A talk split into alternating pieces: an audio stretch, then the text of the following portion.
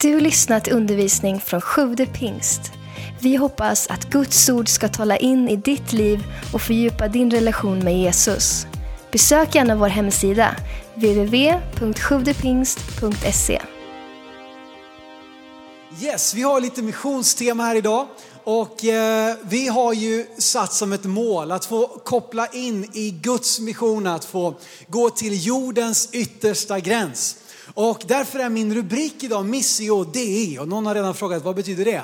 Jag tänkte nu när vi har en språkexpert på plats här, då måste man ju liksom på något sätt spänna musklerna här nu och sätta liksom en latinsk titel här på predikan. Jag ska återkomma lite mer till vad det innebär. Ehm, nej då, ni köpte inte, det var, jag tyckte det var ganska kul skämt. Men det var liksom, jag försöker jobba lite med det, får hjälpa mig nu så att den här predikan inte somnar redan i inledningen här. Jag ska läsa ifrån Johannes kapitel 17 eh, och vers 18 här nu. Jesu överprästerliga förbön kallas hela det här kapitlet. Där Jesus ber för dig och mig, han ber för sitt folk, han ber för sina lärjungar. Eh, och så finns den här versen med där, Johannes 17, vers 18. Jesus ber till sin fader i himlen och så säger han så här. Så som du har sänt mig till världen så har jag sänt dem till världen. Jesus kom hit med en mission, ett uppdrag. Och på samma sätt som han blev sänd av sin fader till den här världen så sänder han här nu i sin förbön sina lärjungar och i det långa loppet också dig och mig till den här världen. Det är något speciellt med att vara sänd, att vara, liksom ha ett uppdrag, att ha en uppgift. Jag kommer ihåg när jag var ganska liten, jag är uppvuxen yngst av tre syskon, två äldre systrar och eh, det kanske har format mig lite grann, men en, en syster som är fyra år äldre, en som är sju år äldre. Och fram till att jag själv då började växa i dem när jag väl var, jag växte ganska tidigt, så att när jag blev 13-14 då liksom kunde man ju på något sätt stå emot lite grann, men innan det så var man ganska mycket, ja, man fick helt enkelt lyda och följa och lära sig och så vidare. Och då när jag kanske, jag kommer inte ihåg exakt hur gammal jag var, men någonstans när jag var sådär 8, 9, kanske 10 år. Min äldsta syster Sandra, Eh, sju år äldre, var väl 15-16 ungefär. Och då brukade hon eh, sända mig till kiosken. Eh, och den låg i Melins kiosk, den låg kanske en och en halv kilometer hemifrån, den närmaste kiosken. Och så sände hon mig dit med en tia, eller om det var kanske 15 kronor ibland, för att köpa hallonmumrikar. Och de här kostade 50 öre styck. Och då visste jag ju att när jag då gör det, här, jag tar min cykel, som ju naturligtvis var en tjejcykel eftersom att jag som sagt växte upp med två stora systrar. Jag satte mig på min tjejcykel och cyklade med en och en halv kilometerna, köpte hallonmumrikar och sen när jag kom tillbaka så fick jag en utav dem. 20 hallonmumrikar, liksom 20 minuters cykeltur och så fick jag då en hallonmumrik. Och det var, ingen, det var liksom ingen idé att försöka snika till sig två eller tre eftersom att det var ganska tydligt, 50 öre styck, hon visste vad hon skulle ha i påsen när jag kom hem. Men det är ändå någonting med att vara sänd, att ha ett uppdrag, att få någonting, att någon annan tror på en, att någon annan förlitar sig på en, att faktiskt utföra någonting.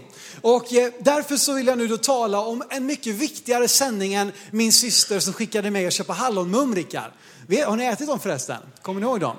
De är, lite, de är röda, lite hallon, hallon mumrika, det säger sig själv. Hårda godisar och så när man då biter på dem eller när de har smält så är det sån salt eh, lakrits i dem. Eh, ja, jag vet inte om de görs än, men det var i alla fall den stora grejen där på 90-talet. Så gammal är jag. Och eh, förra millenniet till och med. Det är ju förra seklet. Det känns 20 år. Jag börjar känna mig gammal alltså, men så är det. Nog om det. Vi har då blivit del här. Jesus säger att på samma sätt som du har sänt mig så sänder jag dem till världen. Vi blir påkopplade på Guds mission. Eh, och det är ju faktiskt det som, som det här uttrycket betyder. Missio Dei, Guds mission. Och uppvuxen i kyrkan, som jag är och säkert många av er, så är det här med mission, det är ju någonting speciellt. Någonting lite, det, är liksom, det ligger som ett slags skimmer nästan. Jag vet inte om ni delar den uppfattningen, men jag växte upp vet du, ute i foajén. Där satt den här stora anslagstavlan i tyg eller vad det nu var. Och så satt det då sådana små nålar och så var det ett, ett rött snöre som gick ut och så hade vi ett missionärspar i, på Grönland och så stod det någonting om dem. Och så var det ett snöre till Görel Kron i Thailand och så var det liksom till olika missionärer. Och det var någonting, det var någonting liksom spännande med de här människorna som var ute i hela världen och missionerade. De var missionärer, de var utsända av Gud på ett uppdrag. Och så då titt som tätt, precis som vi var med om idag, så fick man då besök, att de kom hem för att berätta. Man kände på något sätt att här är människor som verkligen lever för Gud. Här är människor som har gett sina liv för att, för att följa Jesus. Samtidigt kändes det också lite grann som att det var ju också just de där, den där gruppen, de där missionärerna. Det är ju, det är ju liksom de som verkligen lever för Gud. Och sen har vi, vi vanliga liksom medelsvenssons här som, som kör Volvo och liksom har villa och vovve och, och går till kyrkan och så, som inte riktigt på samma sätt följer Guds kallelse och lever liksom hela tiden från honom. Och jag vet inte alls om du delar den här eh, liksom bilden eller uppfattningen av mission, men lite grann är det så jag har vuxit upp. Och jag tror, och kanske du har förstått redan, så tror jag att den här synen på mission riskerar att förminska vad Gud vill göra. Det riskerar att, att skapa liksom ett glapp mellan Guds tanke med mission och vad vi då, hur vi ser på det, vi uppfattar det. Och så växte det då fram det här uttrycket under eh, eh 1900-talet, det här begreppet. Att man började tala om missio dei, duktiga teologer som började tala om mission, kanske på ett lite nytt sätt. Och började tala om att det är Guds mission. Det är inte bara det som vi håller på med. Och en av de som var med och framarbetade det här uttrycket, David Bosch, han säger så här, mission är inte primärt en aktivitet i kyrkan, utan ett av Guds attribut. Gud är en missionerande Gud. Mission är inte bara begränsat till vissa människor eller till ett, till ett visst team, ett visst råd som, som har de här sakerna på sitt, på sitt bord. Allt det där är bra, allt det där behöver vi, men vi ska inte begränsa begreppet mission till endast detta. Utan vi behöver förstå att när det kommer till mission, då handlar det faktiskt om vem Gud själv är. Det har att göra med hans karaktär. Det har att göra med, med hans liksom identitet, är att Gud är mission. Han är på ett uppdrag. Och vad mission, eller vad det begreppet, man kan översätta det kanske både som Guds mission men också som Guds sändande. Att vara missionär är att vara sänd. Att vara utsänd, att ha ett uppdrag. Och det finns många som har ett mission, det finns många som har ett uppdrag. Många har liksom en agenda med det de vill göra och ofta så kanske det där har till viss del en självisk rot eller att man, man har liksom eh, eh, Ja, det är inte bara vi som sysslar med mission. Det är många som har liksom ett syfte, en agenda, någonting de vill utföra. Men när det kommer till Guds mission och mission i kyrkan så har det sitt ursprung i den som Gud faktiskt är. Vi kan inte skilja Guds mission från Gud själv. Han är mission. Och då blir det ju inte heller längre någonting som bara är till för en liten utvald elitskara, liksom våra elitsoldater. De som har gått igenom de tuffaste träningarna, de som verkligen är liksom fit for fight, de som klarar av det här. Det är bara de som ska hålla på med Guds mission. Nej! Om, det, om mission är en del av vem Gud är, i sig själv så blir det en del av varje kristens DNA. Att i samma stund vi välkomnar Jesus in i våra hjärtan så börjar hans hjärta pulsera. Hans mission, hans syften, hans uppdrag, det blir också en del av våra liv. Och sen tackar vi Gud för alla de som verkligen vill, vill liksom skickas kanske till ett annat land, till ett onått folk. Eh, och, och, och, vi har alla liksom olika sätt att då få leva ut det här som Gud har valt i oss. Men när jag höll på att förbereda det här så hittade jag ett annat ganska härligt citat om mission. Som han sa så här att the mission of God is too important to leave for missionaries. Tyckte det var ganska bra. Alltså att Guds mission är för viktig för att bara liksom låta missionärer hålla på med. Eh, de ska naturligtvis göra det, men vi behöver alla som Guds folk känna att mission är en del av dem vi är. Jag vet eh, ja, det blir liksom ett skifte i, i tänkesättet kring detta. Så Guds mission är det vi talar om. Inte någonting som är bara för en viss skara, utan för varje troende så blir detta en del av vår DNA. Och då om vi går över till det andra sättet att översätta missio dei, som är Guds sändande, så kan man ju fundera på när sker sändningen? När sker kallelsen? Var i ligger det? Hur blir man kallad? Hur blir man sänd? Och kanske då att vi tänker att men det är väl de som som sagt har en viss, vissa, vissa förmågor, eh, en viss utbildning, eh, vissa liksom, eh, en viss personlighet. Det är väl de som kan få bli del av Guds sändande. Men faktum är att jag skulle visa för dig i Bibeln att, att Guds sändande har sitt ursprung i mötet med Gud. Där i kommer kallelsen till mission. Kallelsen till mission kommer inte genom en viss utbildning, även om det kan hjälpa oss att bli skickade, att bli rustade för att bli missionärer. Men det kommer i och har sitt ursprung i mötet med Gud. Abraham, trons fader, som ju blev starten för Guds eget folk, judarna. Som Gud slöt sitt förbund med eh, och som fullkomnades i Jesus så att det blir tillgängligt för oss alla. Men faktum är att också vi hämtar liksom vårt ursprung i Abraham. Vi ska läsa ett bibelord här ifrån första Mosebok kapitel 12. Där vi då börjar eh, läsa om Abrahams eh, liv och hans berättelse. Och här är första gången det står uttryckligen att Gud talar till Abraham. Och då ska, jag tycker jag det är ganska intressant att se vad det är han talar till honom om. Så så här i första Mosebok 12, vers 1-4. Herren sa till Abraham, gå ut från ditt land och din släkt och din fars hus och bege dig till det land som jag ska visa dig.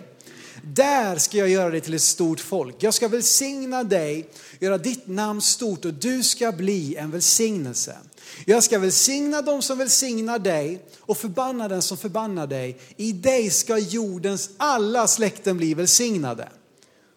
Och så fort Gud är färdig att tala så läser vi vers 4. Abraham gav sig iväg som Herren hade sagt till honom. Första gången som Gud, som vi läser i alla fall i Bibeln, det finns nedtecknat vad Gud sa till Abraham, så är det genast, jag sänder dig. Du ska gå till det land, jag ska visa dig. Och här nu då när Abraham första gången här får ett påtagligt tilltal ifrån Gud, så handlar det om ett sändande. I mötet med den levande guden så blir vi sända. Vi får ett uppdrag och Abraham han gick. Och frågan är vad du och jag gör med Guds kallelse. Abraham han gick. Och vi ser, jag ska visa fler exempel, men just ifrån Abraham. Det står, eller jag tror det är så här att om vi verkligen känner Gud så är vi på ett uppdrag. Vi blir a man on a mission. Utifrån mötet med Gud så blir vi missionärer. Vi får ett uppdrag, vi får en sändning. Och i detta så vill ju Gud att andra människor ska bli välsignade genom dig. Jesus, vårt främsta exempel, kom ju hit till jorden inte för att bli tjänare utan för att tjäna andra.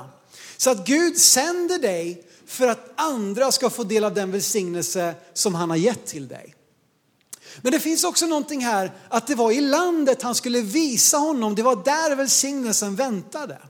Så att det finns någonting här i att om jag vill vara till välsignelse för andra, då finns det någonting av att offra någonting, att satsa någonting, att gå utanför vår egen bekvämlighetszon. Att jag kan inte bara sitta kvar i min trygga lilla stol eller fåtölj eller vad det nu är. Utan här säger Gud att gå till det landet jag ska visa dig, där ska jag välsigna dig. Där ska du bli till välsignelse för andra. Så jag tror att uppleva och upptäcka rikedomen i Guds välsignelse, det gör vi först i det att vi faktiskt börjar följa honom. I att vi inte bara stannar kvar där vi är, i det som vi tycker är bekvämt, utan i att vi vågar ta det här klivet att bli till välsignelse. Och i det så finns också välsignelse för oss. Vi blir till välsignelse för andra genom att vi uppoffrar någonting. Vi är villiga att gå någonstans för att någon annan ska få del av det vi har fått del av. Och i det så har Gud också lovat att välsigna oss, att ta hand om oss. Vi har ju Matteus 6.33 att sök först Guds rike och min rättfärdighet så ska ni få allt det andra också. Så i detta att vi svarar ja på Guds kallelse så kan vi börja bli till välsignelse för andra och vi får del i ett ännu rikare mått av Guds välsignelse och hans planer för dig och mig. Jag vet inte hur det är med dig men jag känner att jag vill ha allt som Gud har att ge. Inte för att jag kan förtjäna det men om det finns någonting jag kan göra för att på ett tydligare sätt få del av Guds välsignelse, på ett tydligare sätt få ta del av hans mission, hans syfte, så vill jag göra det. Och jag tror att en sak av dem är att lite grann kliva ur vår egen bekvämlighet och låta oss själva bli sända att gå ifrån vår egen kontext för att bli till välsignelse för någon annan. Bara för att visa fler då hur mötet med Gud leder till sändande. Vi har berättelsen om Mose. Han var ju uppvuxen i Egypten som, som eh, prins, han blev uppfostrad där. Eh, men sen så var han tvungen att lämna landet och ni, ni kan säkert storyn, han var 40 år, eh, herde ute i, i öknen. Och så kommer det här gudsmötet i andra Mosebok kapitel 3. När Mose för första gången som jag tycker mig se i alla fall i hans berättelse, så får han ett personligt omvälvande möte med Gud, nämligen vid den brinnande busken. Han är ute som en vanlig dag, vaktar sina får och så brinner en buske utan att brinna upp. Mose går dit, han får en uppenbarelse av Gud, vem Gud är och Gud säger ta av dig dina skor för platsen där du står är helig mark. Och Mose han bara faller ner och inser att det här är någonting utöver det vanliga. Han inser att jag är här inför Gud själv. Och vad händer i nästa mening i stort sett? Jo, då säger Gud till Mose, jag sänder dig till Egypten att sätta mitt folk fria. Utifrån mötet, uppenbarelsen av vem Gud är, så blev Mose sänd. Han blev skickad. Ser ni hur mission är en del av vem Gud är? Och i mötet med honom så blir vi också sända att göra stora saker för honom. Profeten Jesaja, en av våra viktigaste profeter som jag har skrivit, eh, fick vara med och förmedla flera av de starkaste messiasprofetiorna 700 år innan Jesus levde. Hans kallelse börjar med Jesaja 6 så får han en syn, han får en uppenbarelse av Gud själv. En mäktig uppenbarelse, ett mäktigt möte med Gud. Och han ser in i liksom, eh, eh, en annan dimension och, och, och får liksom se någonting av Guds tro, någonting av vem Gud är. Och så mynnar det ut i den här frågan, Gud frågar, vem kan jag sända? Ser ni det? Jesajas svar är omedelbart, här är jag, sänd mig. Utifrån att vi upptäcker vem Gud är så blir vi också villiga och redo att ge allt för honom. Jesaja såg Guds tron, han såg hans härlighet och på frågan om han vill bli sänd så är det någonting, när vi verkligen ser Gud som den han är, så verkar allting annat blekna. Allting annat blir sekundärt, allting annat liksom eh, försvinner bort och det finns inget viktigare än att leva helhjärtat för Jesus själv. Vi kan se Petrus, den berömda aposteln. I Lukas 5 så möter Jesus fiskaren Petrus som varit ute och fiskat hela natten. De har inte fått någon fångst då. Petrus sa nej, det är lite skämmigt förmodligen. Jag menar, det här är ju hans yrke, han är ju professionell fiskare. Här har de varit ute och slitit hela natten, ingen fångst. Jesus kommer dit och klampar in på något sätt på Petrus och Andreas och de andra fiskarnas område och säger, ja men du ska, du inte, ska ni inte åka ut en gång till och lägga, kasta ut näten på andra sidan? Och Petrus, ah, alltså, vad, ska, vad ska det vara bra för? Tror du att du kan det här med fiske bättre? Ja, inte, jag, jag, jag liksom väver ut storyn lite grann här. Men i alla fall Petrus säger, okej okay, Jesus som du säger och då gör vi det. De åker ut, kastar ut på andra sidan och de får den största fångsten de någonsin har fått. De måste kalla på en till båt som kommer och tar upp all fångst, alla fiskar i deras båtar. Och sen så, när Petrus är med om detta, han ser vilket mirakel det är. Han vet att det här är inte bara en vanlig liksom fiskelycka, utan här är någonting övernaturligt som har skett utifrån Guds, utifrån Jesu ord. Så han slänger sig i vattnet och springer in till, till Jesus i vanlig ordning, kastar sig på sina knän inför honom, inför att han har mött på något sätt ett mirakel. Så slänger han sig ner och så säger Jesus till honom, hädanefter ska du fånga människor. Han får ett möte med Gud, han får ett möte med Jesus. Han ser Guds mirakelkraft och genast när han faller ner inför Jesus så blir han också sänd att inte längre bara fånga fiskar utan fånga människor. När du möter Gud ansikte mot ansikte förvandlar det dig till en människa med ett uppdrag. När vi upptäcker vem Gud är så blir vi liksom pushade på ett positivt sätt in i tjänst för honom. När vi själva känner att vi inte räcker till, vi själva känner att vi får liksom ingen fångst, så kastar Gud ut oss. Han går med oss in i tjänst för honom. Och den här attityden av att what's in it for me, det är liksom på något sätt våran, våran generation, eller min generations signum på något sätt. What's in it for me? Vad kan jag tjäna på det här? Vad, vad får jag ut av det här? Liksom, vad, vad, vad vinner jag på det här? Den attityden blir som bortblåst. Och vi struntar i om vi tjänar någonting på det själva, bara jag får följa Jesus. Bara jag får leva för honom. Bara jag får vara en del av hans mission, av hans syfte.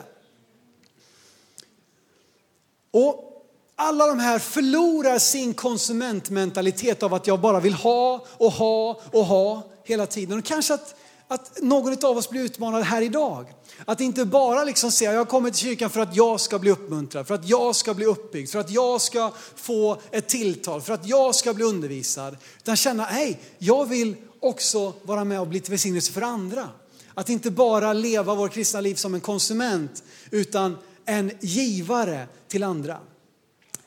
De säger istället för att fråga sig vad tjänar jag på det här, säger de att jag vill ge allt. Jag vill leva för dig. Jag vill följa dig. Det finns inget annat som är viktigare Jesus än att få leva för dig. Och de här personerna gjorde ju alla extraordinära saker för Gud.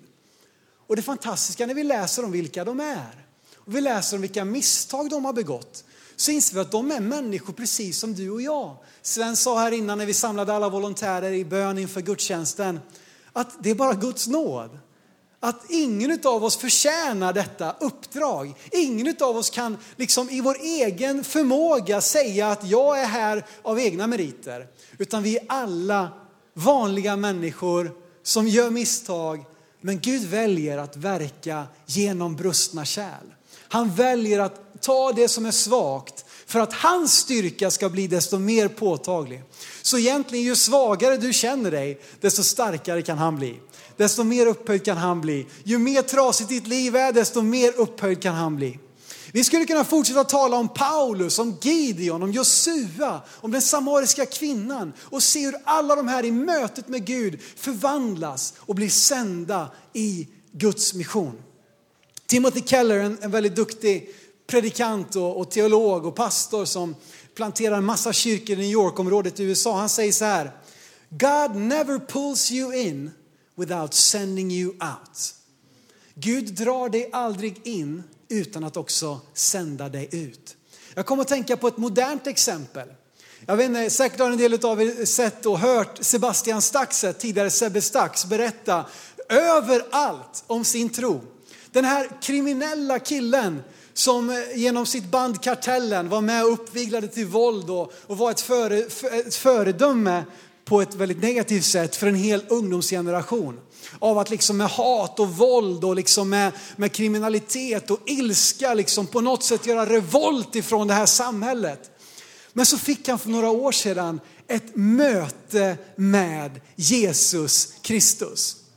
Och även om du inte känner till hans bakgrund ska jag säga att om han kan få ett möte med Gud, om han kan få sitt liv förvandlat av Gud, så kan du och jag få det också. Det finns inga hopplösa fall. Och vad vill jag säga med detta? Jo, men utifrån hans möte med Jesus så kan vi alla tror jag hålla, eh, hålla med om att han är nu en man med ett uppdrag. Han är nu sänd av Gud. Varje tillfälle han får så vittnar han om Jesus. Han satt i Nyhetsmorgon här bara för några, någon vecka sedan och pratade i 11 minuter tror jag. Om vad Jesus har gjort i hans liv, om Guds kärlek som har förvandlat honom och hur alla har syndat och mistat, eh, gått miste om härligheten ifrån Gud. Men att det spelar ingen roll för Gud för vi kan alla få förlåtelse. Vi behöver mer av kärlek, vi behöver mer av Gud. Jag har mött Jesus, sitter han och säger på bästa sen, eh, liksom, Nyhetsmorgon, den största nyhetssoffan i, i vårt land. Han har blivit sänd av Gud utifrån mötet med honom. Och förra veckan här så kom min mamma till mig och sa det Simon, jag, jag funderade, hon har nämligen lärt känna honom lite grann, eh, Sebastian Staxet ska man kalla honom nu. Han vill känna att Sebbe Stax det var på något sätt det gamla livet. Nu vill han bli kallad för sitt riktiga namn, Sebastian Staxet. De har lärt känna varandra lite grann och så hörde, hon, hörde han av sig till mamma och sa det att du, jag har lett en, eh, en kille till frälsning här som, som just nu bor i Jo. Eh, och finns det någon som, som du tror kan liksom koppla med honom? Och, och, det är fantastiskt. Han sitter verkligen inte bara i massa nyhetssoffer och är på massa kyrkor och plattformar, utan han lever evangeliet. Eh, och så berättar han då om den här killen som han har lett till frälsning. Min mamma frågar, kan du ta kontakt med honom, en, en tonåring? Och jag pratade med honom om det var okej att jag nämnde lite grann om hans liv. Ja, han sa absolut, inga problem. Han har lite så här skön dialekt. Så. Och så träffade jag honom, hörde av mig till honom här i, i början på veckan. Vi var ute och, och, och tog en fika här. Och så berättar han bara om hur han som 11-åring började ta droger. Som 14-åring hamnade i fosterhem. Och de här sista fyra åren så har han bara flyttat runt från hem till hem, varit fylld med hat, varit fylld med ilska, varit i helt fel gäng. Och så har han ju följt Sebbe, Sebbe Stax då, den gamla. Och han har liksom lyssnat på hans musik och liksom fyllts av det här hatet och ilskan. Och så såg han då för ett tag sedan att det har, någonting har hänt med Sebastian.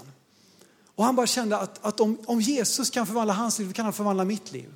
Så han tog kontakt med Sebastian och Sebastian bjöd upp honom till Stockholm i en helg. Och där var han tillsammans med 20 andra unga grabbar från hela landet som har kommit dit för att de har hört om Sebbe och de, de känner till honom och bara undrar, är det här någonting för oss också?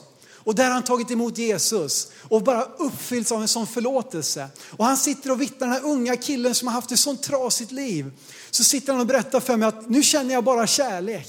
Jag känner bara förlåtelse. Jag känner bara liksom, eh, ja, att det här, är ju, det här är ju livet på något sätt. Och han vill börja ett nytt liv och han vill göra upp och ha liksom slutat med drogerna och lämnat det här bakom sig för att börja ett nytt liv tillsammans med Jesus. Varför då? Därför att någon utifrån sitt möte med Jesus bestäms för att det här ska inte stanna hos mig, utan nu vill jag börja leva för andra. Och det kan du och jag också få vara med om. Kanske inte för hundra eller sitta i morgonsoffan som Sebastian Saxet, men vem har du i din värld? Jesus sa, som du fader har sänt mig i den här världen, sänder jag dem in i den här världen, in i din värld. Du måste inte nödvändigtvis åka till ett annat land, till andra sidan jorden för att bli använd av Gud. Han kan använda dig där du finns. Du är inte bara frälst, utan du är också kallad. Andra Timoteusbrevet 1 och 9, där ser vi det så tydligt. Vi ska läsa den bibel, bibelversen innan vi ska börja komma mot slutet här. Jag blir, blir så uppmuntrad bara av den här berättelsen. Och få sitta och få känna, wow, då kan vi få vara med här och hjälpa den här killen. Liksom ta hand om honom, finnas där för honom. Det står Salam här brev 1 och 9. Han har frälst oss och kallat oss med en helig kallelse. Inte på grund av våra gärningar utan genom sitt beslut och sin nåd som han har gett oss i Kristus Jesus från evighet. I samma ögonblick som du blir frälst blir du också kallad. På samma sätt som vi inte kan förtjäna frälsning genom våra gärningar kan vi inte heller förtjäna kallelsen. Utan det är på grund av hans beslut och hans nåd. Och vi blir inbjudna att ta del i Guds mission. Det finns ett liv i dig som väntar på att få komma fram. Det finns ett liv i dig som Gud har lagt ner i dig. Och kanske att det just nu finns ett glapp mellan den potential som är nedlagd i dig och det liv du nu lever. Men jag tror att vi genom att överlåta oss till Gud kan få se hans liv börja växa fram, börja strömma fram eh, ut i människor omkring oss. Missionsbefallningen Markus 16. Vad är det vi ska vara del av? Jo, Jesu egen missionsbefallning. Han sa till dem, Markus 16, vers 15, gå ut i hela världen och förkunna evangeliet för hela skapelsen. Den som tror och blir döpt ska bli frälst, men den som inte tror ska bli fördömd. Dessa tecken ska följa dem som tror. Det enda som är ett, är liksom ett kvalificeringsprogram för att bli del av det här uppdraget, det är att du tror. På Jesus Kristus så blir du också del av hans mission. Det som vi kallar för Jesu missionsbefallning kallas ju på engelska för the great commission. Co-mission. Alltså det är ett uppdrag tillsammans med. Och nu kanske någon läser liksom komission här och liksom Falköping ska bli frälst och, och så här va. Men, och det, det ska det också. Och vi ska verkligen vara med i alla världar, i alla platser. Men det finns någonting här i co-mission, commission. Det finns ett samarbete, att vi gör detta tillsammans. Gud bjuder in dig. Jesus själv bjuder in dig. Han bjuder in mig att bli del av hans egen mission. Vi bjuds in i ett partnerskap med Gud själv. att leva våra liv med ett högre syfte. Och därför älskar jag också vår kärnvärdering, att vi lever för Jesu enda sak. Det är det vi vill leva för. Inte bara heja på, rösta på, betala till, utan vi vill leva för det. För Guds mission, för hans syften, för hans sak. Och där i kan du och jag bli en del. Johannes 17, vers 18 igen. Jesus säger så som du fader har sänt mig till världen så har jag sänt dem till världen. I dem finns du och jag. Gud vill använda dig och mig. Vi såg också att han har frälst oss och kallat oss. Och kanske att du finns här idag som varken är kallad eller frälst. Men då kan du få uppleva att bli en del av Guds mission, av hans syfte. Du kan bli en del av uppfyllandet av Jesus eh, missionsbefallning, av hans commission. Genom att säga ditt ja till honom här, den här stunden, den här förmiddagen. Tack för att du lyssnat. Glöm inte att du alltid är välkommen till vår kyrka. Du hittar mer info på www.sjuvdepingst.se